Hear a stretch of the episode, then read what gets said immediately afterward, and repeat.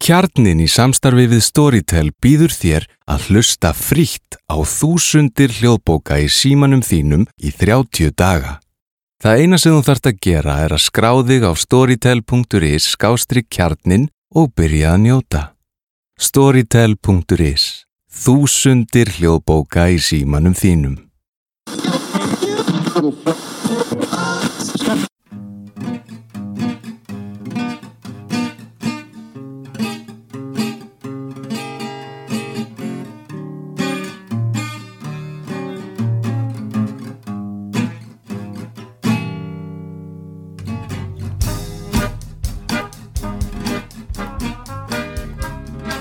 Velkomin í samtal við samfélagið hlaðvar félagsfræðinar.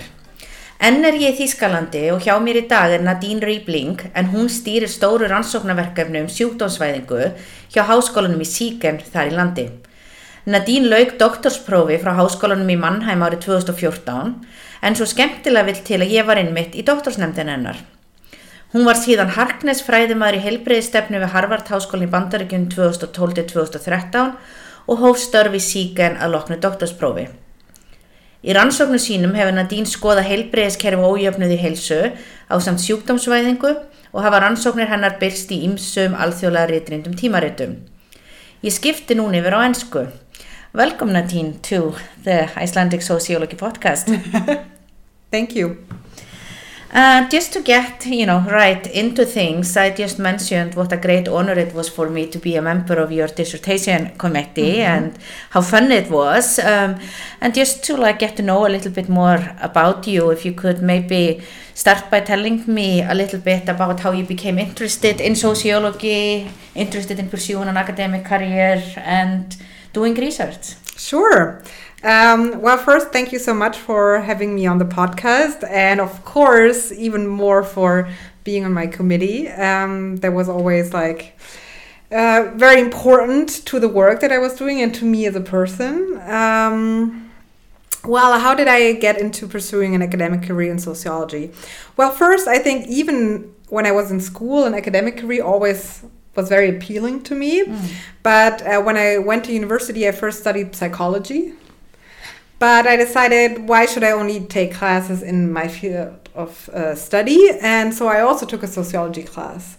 And then over the course of the semester, I realized that the only class that I wasn't supposed to take was the one that I found most fascinating. Mm. And so this is how I got into sociology. And um, yeah, um, so I, I was really kind of sure that this is what I wanted because it was not my first choice, yeah. but really something that I experienced is like this is my thing. So what was it about the class that made you think this? Well, I think it, it probably also was the difference between yeah. psychology and sociology that I felt like focusing on like just the individual and like perceptions and uh, you know, even like the biology that is really important for psychologists is like it's just not enough. Yeah. yeah?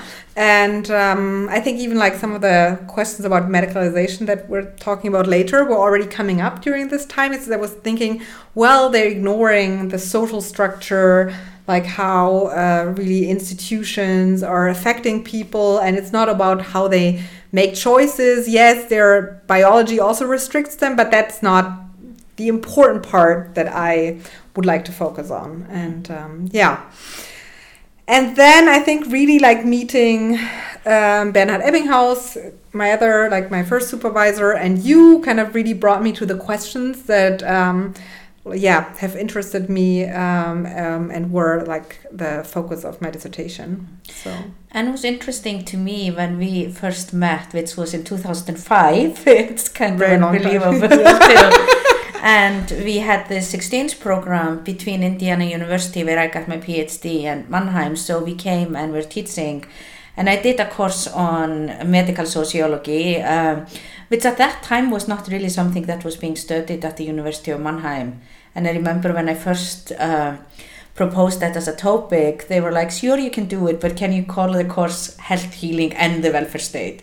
So you would really have something like value in the, in the title. And I managed to attract, you know, whole three students. uh, but very, like the right students, one could say, yeah. particularly you as this... Uh, And what was it like sort of at that time? Like, I mean, you probably hadn't really thought much about health, but maybe always had the interest Yeah. in it, given like, you know, coming from psychology as well. Yeah, yeah, yeah. That's right. So like I, I really uh, like when I read the title, I was really intrigued and thought I really have to take this class. I mean, I've I've been interested in the healthcare system before, like from a welfare Yeah. state perspective, but um, I I really like what I really liked about the class was also kind of this social constructivist perspective because clearly in Mannheim, like inequalities and institutions are very important, but like thinking about the social construction and also the cult- the cultural dimensions. Yeah. Um, this like kind of opened a whole new perspective to me Mm. that I found like very very interesting and. Um,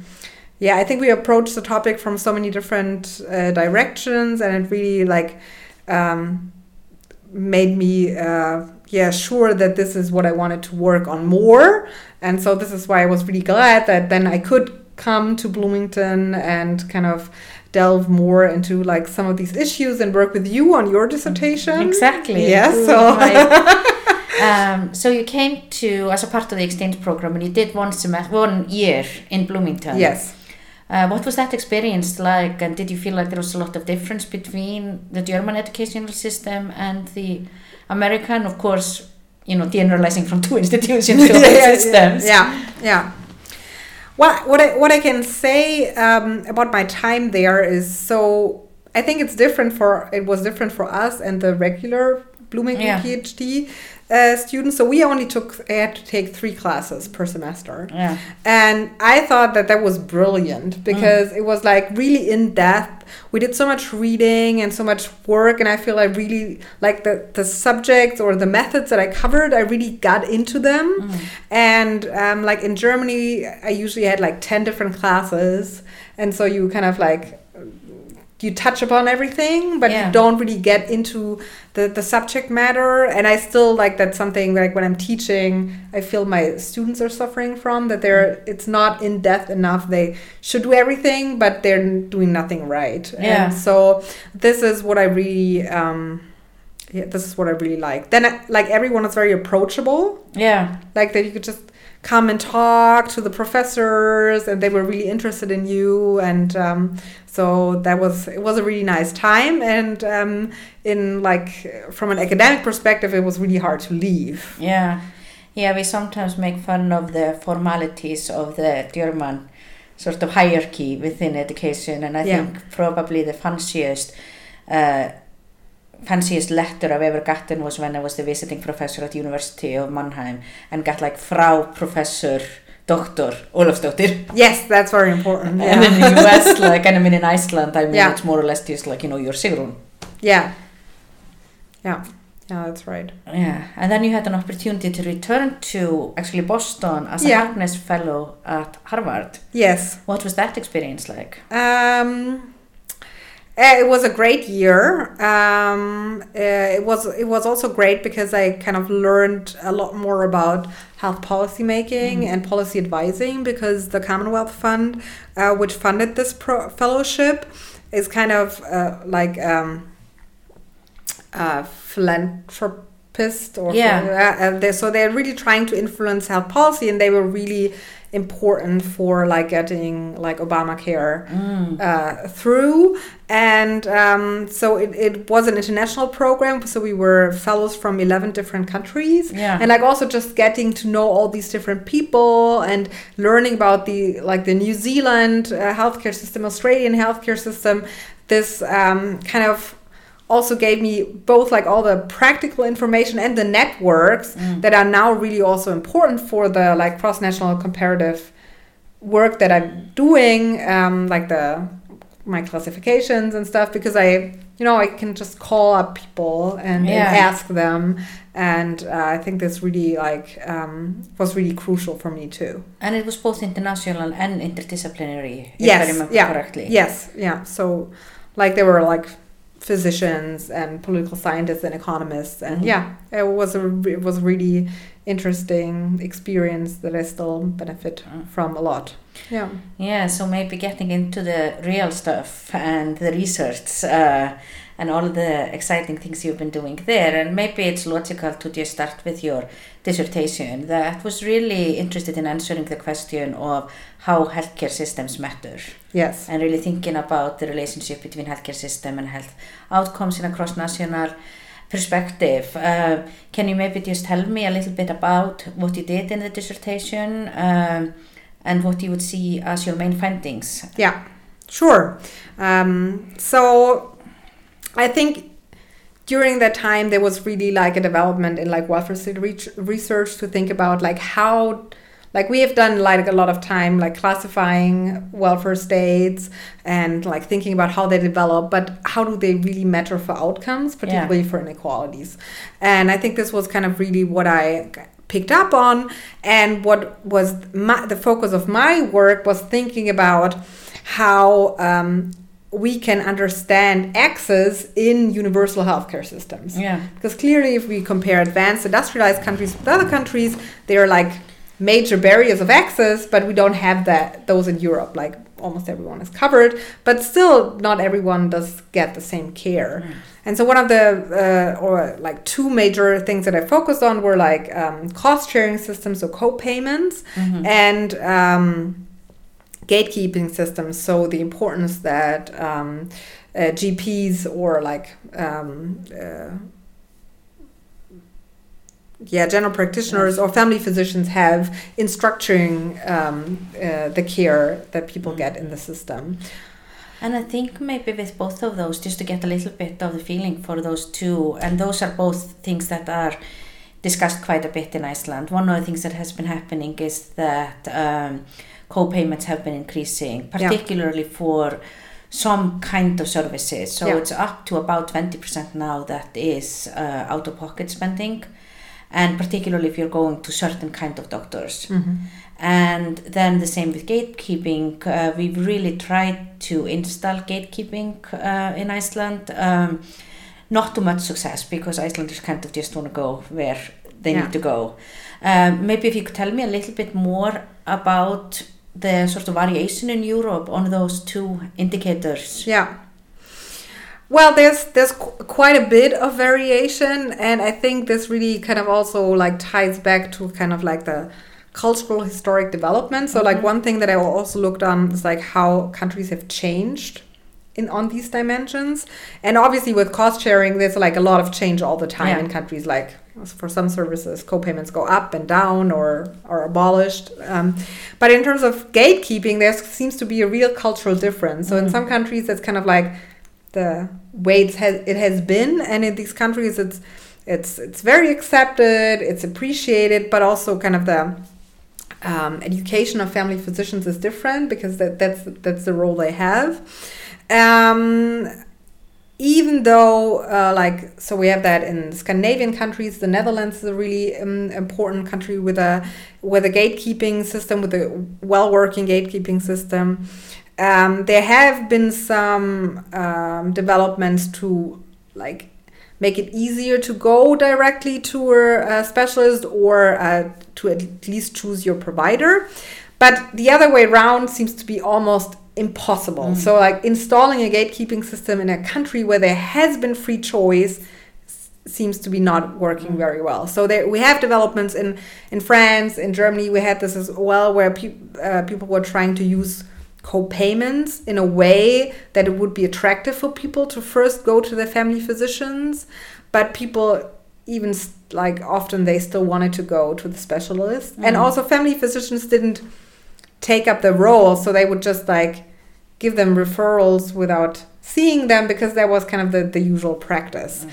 uh, so i think like really this feeling that their choice you had is restricted is something that um, no country has yet figured out, even though, and this is like what um, uh, I found in my uh, thesis, is that um, gatekeeping systems can reduce inequalities and um, uh, also uh, increase access, um, but um, like installing such a system at this point in time seems to be kind of like yeah a Yeah. real challenging health policy uh, issue Yeah, and sort of one of the things, and I think it's really important when we think about health policy um, and thinking about here, like the work of Paul Pierson, path dependency, is that sometimes, like, you know, you're sort of making some policy and you just kind of think about, we will see if this work.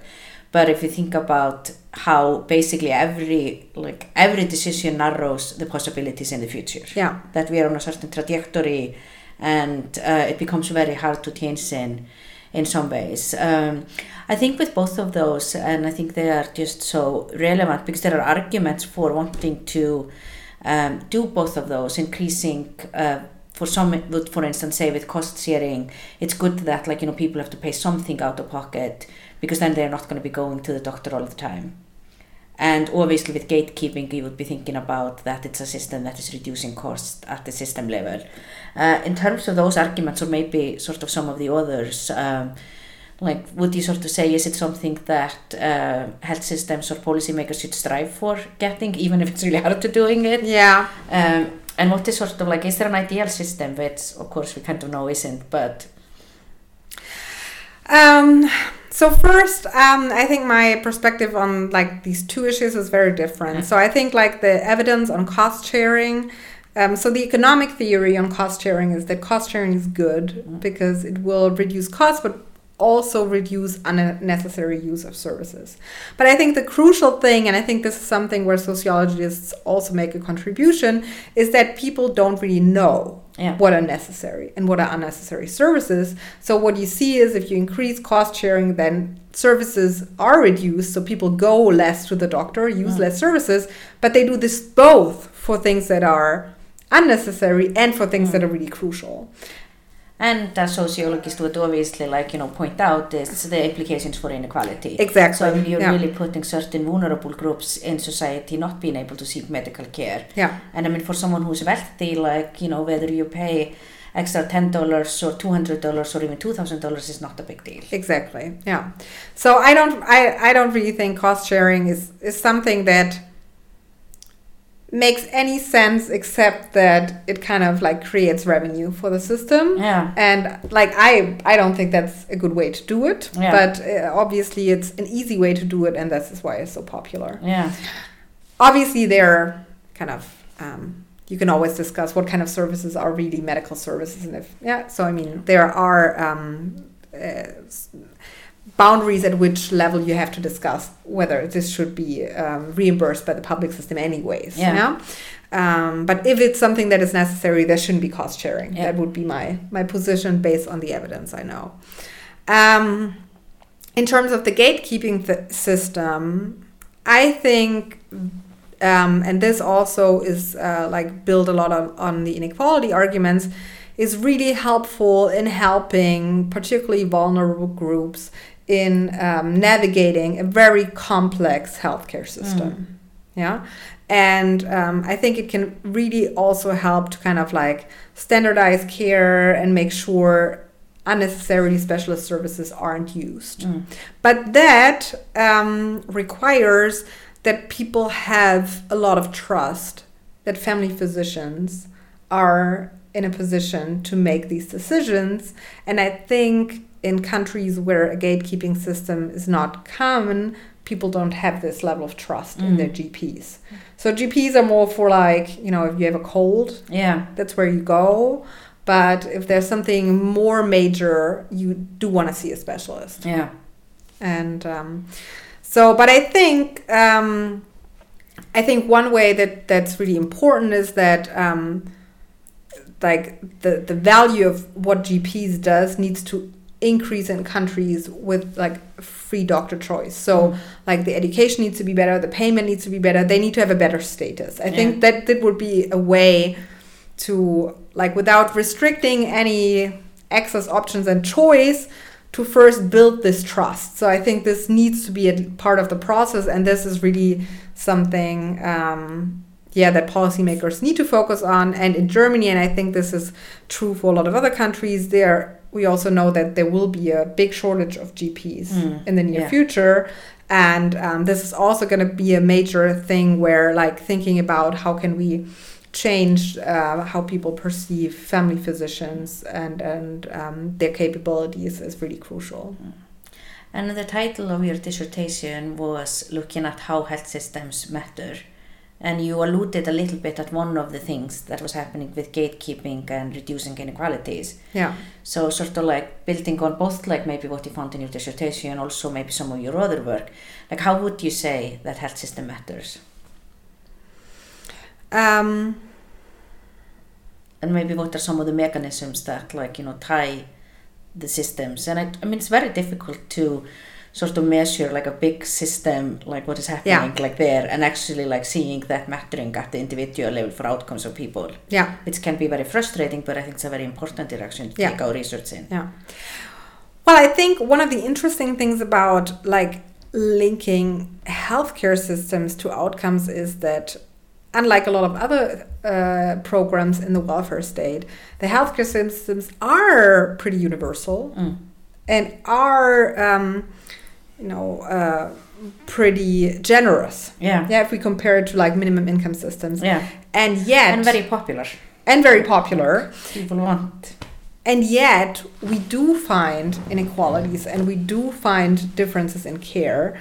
And so, really, like trying to figure out what kind of um, like policy mechanisms, regional disparities um, are accounting for these uh, inequalities is something that um, is really crucial. And for me, like using like gatekeeping and cost sharing as two of these um, uh, policies that uh, where we do find variation even in universal Mm. systems was kind of like a way to go Mm. forward yeah And maybe then thinking a little bit about your work in terms of classifying healthcare systems, which I think to a certain extent, when you think about what are some of the things that medical sociologists or health researchers have been doing for the longest time, is trying to make sense of a very diverse universe of healthcare systems. Um, and I think we can probably all guess that you are going to be bringing in gatekeeping and cost sharing as a part of the picture of how we can uh, differentiate health systems.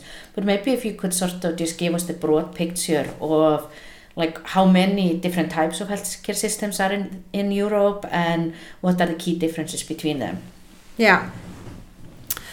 Well, so for my most recent work, like one thing that I like added later, like after my dissertation in a like recent publication with uh, with colleagues, is um, thinking about like what are kind of the new health policy developments, like what was really going on in health policy, and um, I think really crucial here is like trying to influence performance and trying to uh, influence um, quality. Mm. Um, and uh, so we used uh, like measures of performance, so like how well are, for instance, um, diabetes patients managed, Yeah. um, because this is something that I think uh, was was kind of new and like like the earliest typologies were really about like public-private Mm-hmm.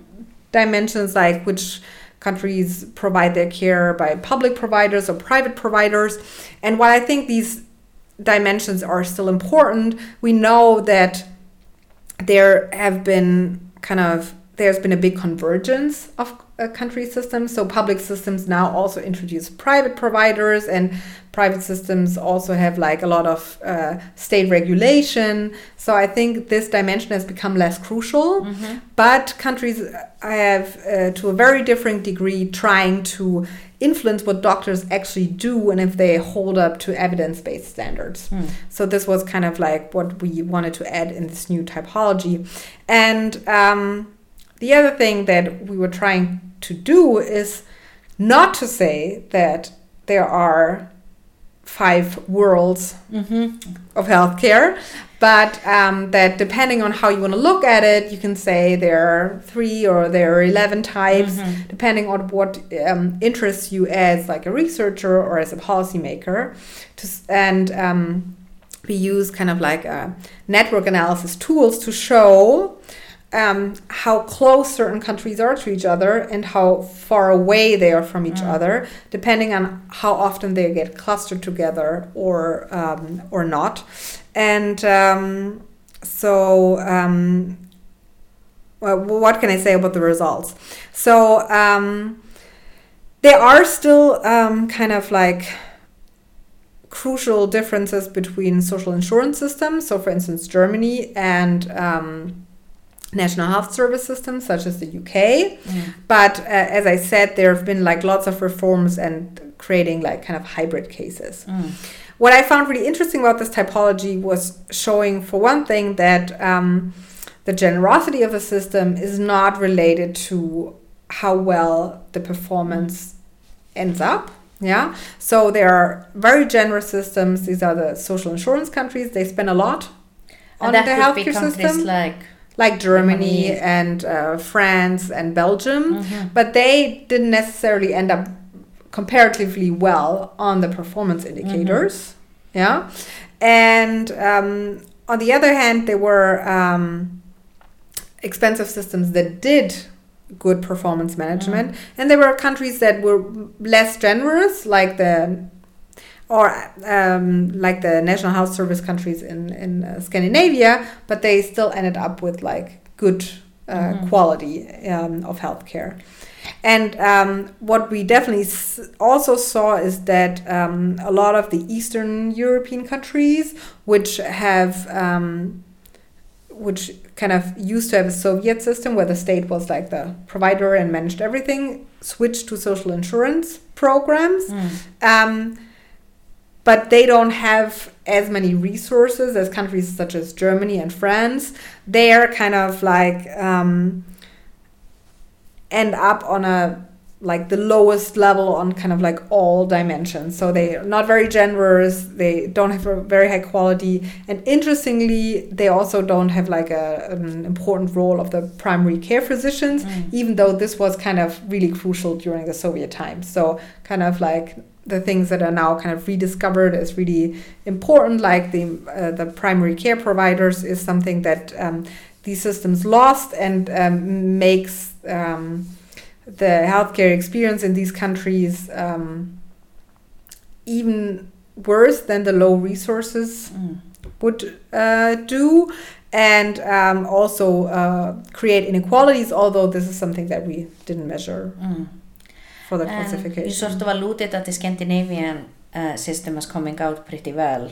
So thinking about like who are the ones who are performing really well, uh, would that be limited to the Scandinavian or Nordic countries, or are there other countries that also come out well in terms of performance? Well, interestingly, the US is pretty good on per- the performance measures, Mm. and um, uh, Switzerland as well. So, um, but they are like so. Um, if you think from an economic perspective, they're doing well on performance, but they're very inefficient in Mm. terms of they have to spend a lot of resources to get to this level. But countries like Germany also spend a lot, but they don't reach Yeah. this performance.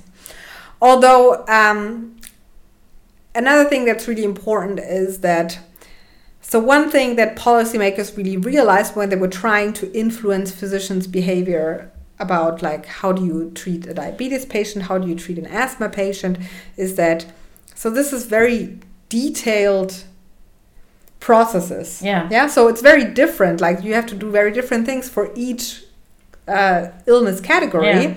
So some countries they do very well for certain conditions, Yeah. but uh, perform poorly on others. Yeah. So it's like it's really rare that you have countries that come out really good on all of these dimensions, but some are better better with like heart conditions and others are better Mm. with cancer.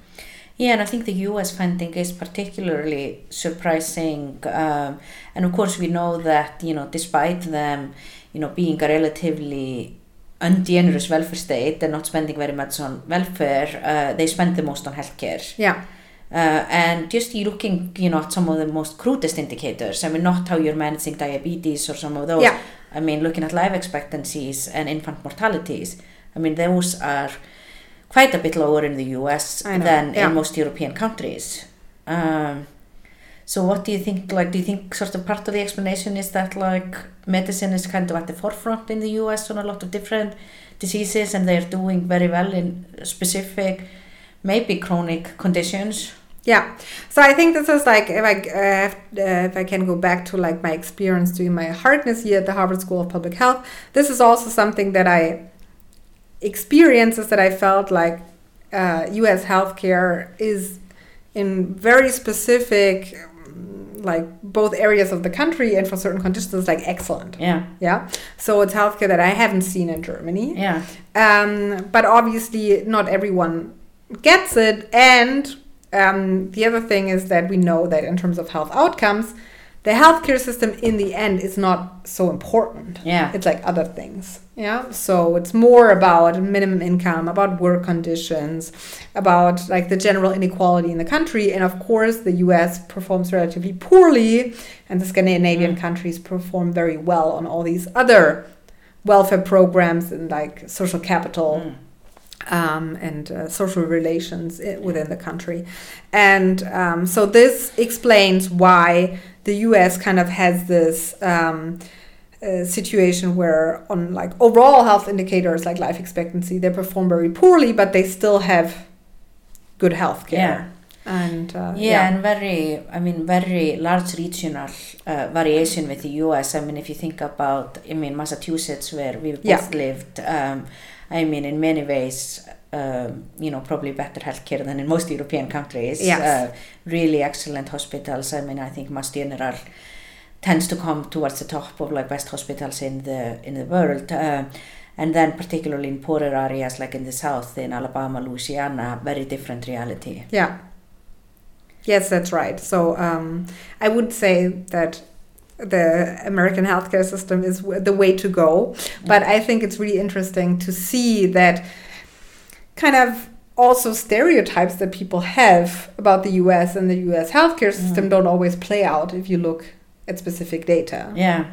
Yeah and um, so i think it's it's important to really um, point that point that out. And i think like one thing that you can really show is that um, I, I talked about kind of like inefficiency or kind of I think that the, the real big thing in terms of health and health inequalities is that we realize that there's really a trade-off. So we have a limited amount of resources and we need to think about where do we spend them. Yeah. and um, spending them in healthcare is not a good choice if you want everyone to have a good health Mm. because healthcare matters so little to the health of people um, and uh, to their general life expectancy and in the us this huge amount of resources that is put towards healthcare is uh, lacking in other Mm. programs and uh, yeah And of course, I mean, it does come at a great cost. And I mean, now we can just talk about financial cost for individuals. Although, I mean, in Europe, we are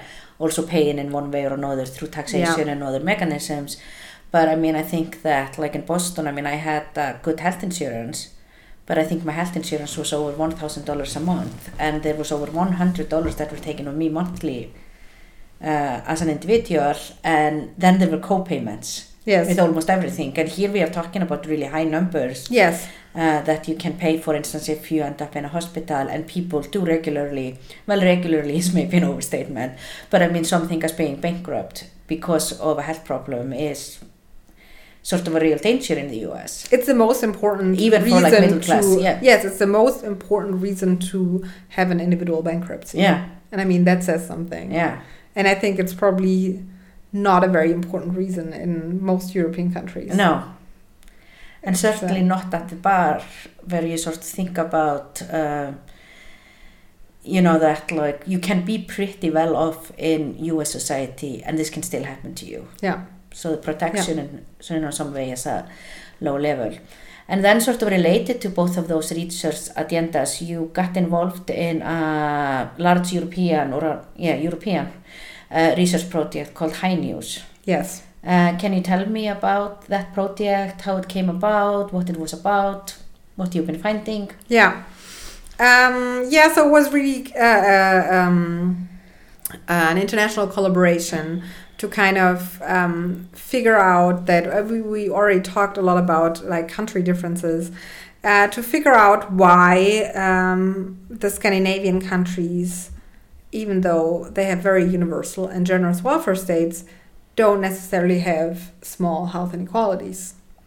And um, so one of the, like key, the key resources of the project was um, a new like survey um, module from the European Social Survey, which is like methodologically one of the best com- cross comparative uh, surveys that we have in sociology. That was um, looking at a lot of like different um, health measures, and um, so um, yeah, there have been kind of like different um, yeah uh, different research on like uh, in different countries. Um, and i think we um, kind of restated the fact that like the variation in health inequalities don't really um, match the institutions as we would hypothesize. Um, i but I, honestly i can't say that we really kind of solved the puzzle. Yeah, I think and we've actually had Jason Beckfield and Terry Eikemo, actually both of them, you know, on the podcast before, and uh, I think Jason in particular refers to this as the Nordic paradox, yes. And I think he mentioned that like it's there, but why? yes yeah yeah i think johan mackenbach he came up with the Yeah, no uh, yeah yeah. nordic paradox and um, yeah And sort of switching gears a little bit, and you've already um, alluded to like an original interest in social construction. Um, and of course, all of those are related, but uh, what has it been, a couple of years ago or so, uh, you got a large grant from a German foundation yes to study medicalization uh, in Germany. Yes And could you maybe start by just telling me about like what the grant was and what you proposed to do that like convinced them to give you some large of the euros? Yeah, um, actually, it's, it's it's really interesting. So it's um, it's uh, uh, the grant is funded by uh, ministry. Mm. It's the uh, Ministry of Labor and Social Affairs. mm-hmm. So it's not the Ministry of Health. What you would, yeah. Yeah, so um, it's from a program on interdisciplinary interdisciplinary social policy research. Yeah. And so, what I have proposed there is to investigate to what extent social policy um, has become medicalized and psychologized. Yeah. So, I'm like trying to use like these um, two different approaches. Um, trying what do to you see as the difference between them? well, the difference clearly is that, I mean, I think in terms of um, the general process that we measure, it's kind of the same thing. Yeah. So, like, certain conditions are kind of put into a medical vocabulary or treated by doctors, and you can do the same thing for psychology. So, Mhm. it's put in psychological terms, and psychologists play a role in um, dealing with these problems. And one of the trends that we've sort of been seeing in many advanced industrialized nations is that we are constantly putting more and more sort of feelings, behavior, conditions into a medical framework. Yes. So the notion here is really that we are defining something as a medical problem and using medical solutions to something that we didn't do so in the past. Yes. Yeah. And and I think it's really also important to like think about this psychological dimensions because like in a cultural uh, in cultural sociology there have been kind of like similar re- uh, theoretical developments that are not merged with the medicalization debate Yeah. that is are they are arguing that it's actually psychologists who are really important in influencing um, um, like uh, Western societies, like thinking about terms like building up your resilience or self efficacy. I Mm. mean, these are psychological terms and these Mindfulness. are psycho- mindfulness. These are psychological concepts. Yeah. And so psychology, uh, psychologists as well, and psychology as a discipline has been very important and um, uh, uh, in like shaping um, individual and social experiences and behaviors. And certainly there's a lot of overlap if we think about like your research, like uh, mental illness, Mm. where like uh, doctors and psychologists also work really closely together. But I think like there are also kind of uh, um, examples that I just mentioned where you can say, okay, this is really the discipline of psychology, and this is what um, medical doctors um, have been influencing. So what we're trying to do in this project is trying to figure out in um, what way s- uh, social problems have over time um, become um, yeah define more uh, uh, as medical or psychological problems, and the problems that we look at are unemployment, poverty, and um, problems uh, of children. Mm. Yeah. And I was very, I noticed and I was very proud of my German skills because I think I understood correctly what your article in German is about. It seemed to be in essence that it is better to be sick and unemployed than just unemployed. And is this the, it seems like this is the first article to come out of the project. Yes. Um, so there's a question mark behind that. Yes. but the translation is uh, completely correct. Yeah. So um, bravo to you, German. um, yeah. So like what we did in this article is we were um, like our original hypothesis was that. Um, it's um, got to be better for unemployed people if they get a medical diagnosis because they now have a reason why they can't work. Yeah.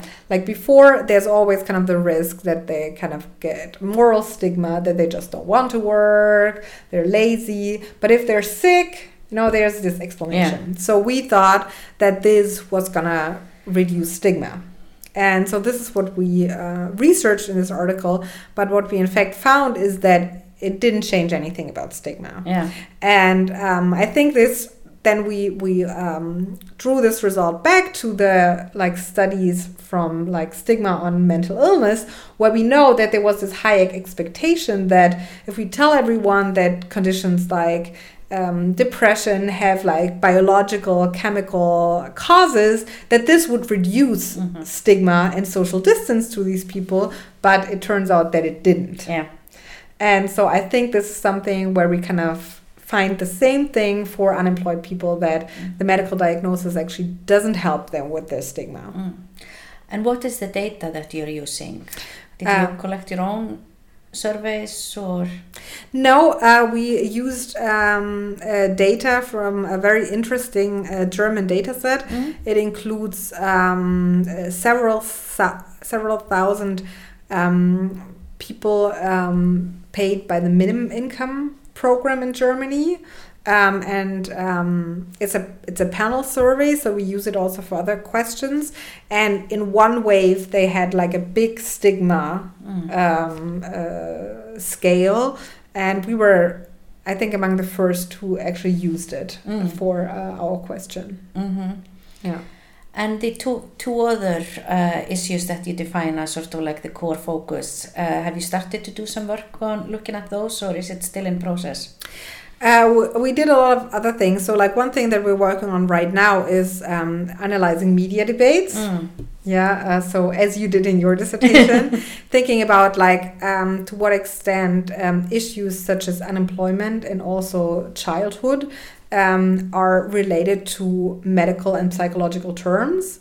So we analyze newspaper articles and um, try to create a really long timeline. So we have um, 1950 till now.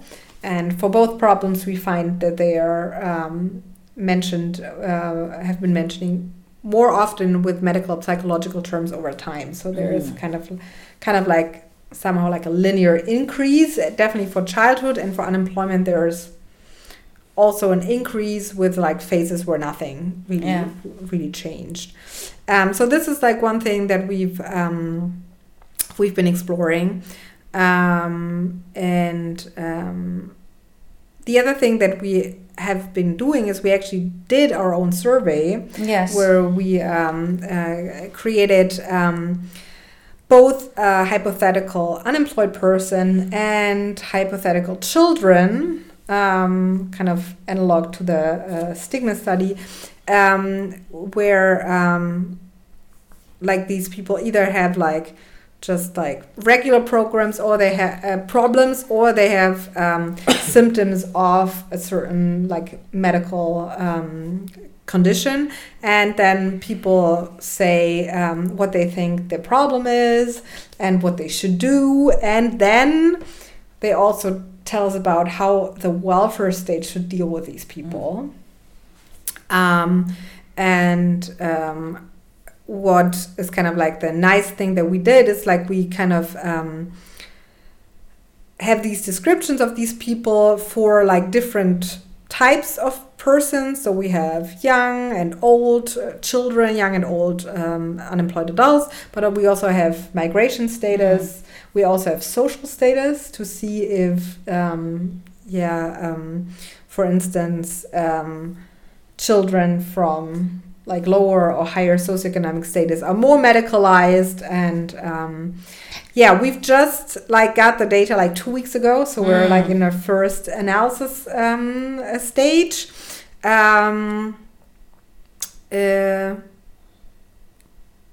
what i yeah what i um, can share at the moment was uh, is that um, we were kind of surprised um, how big, like how large of a proportion of people uh, agreed with um, children being forced to undergo like um, medical um, examination Mm. or even should take medication if the doctors think it's it's right Yeah. because uh, what we know from your research is that Germany is actually kind of maybe the most hesitant Yeah. country in this respect. So um, we will definitely kind of relate this to your work and Bernice's work.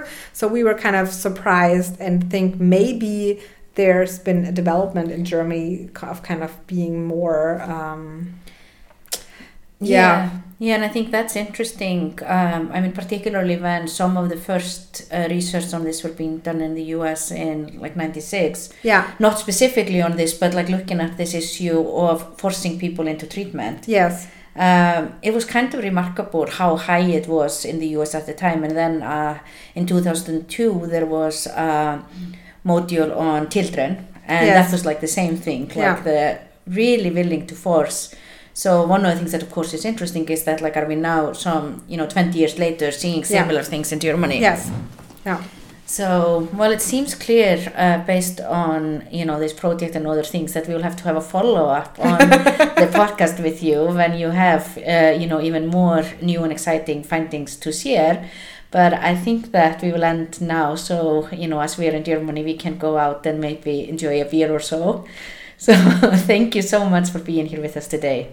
Thank you so much for uh, inviting me, and um, I'm yeah really excited for you to be here in Germany again, so I can um, take you out, and I'm looking forward to coming back to Iceland really soon. Uh, To the conference you're organizing, and um, yeah, to getting to know the country better. So. Um, Big hello to all the Icelandic listeners.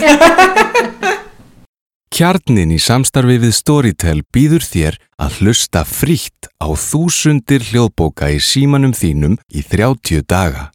Það eina sem þú þarft að gera er að skrá þig á storytel.is skástri kjarnin og byrja að njóta. Storytel.is Þúsundir hljóðbóka í símanum þínum.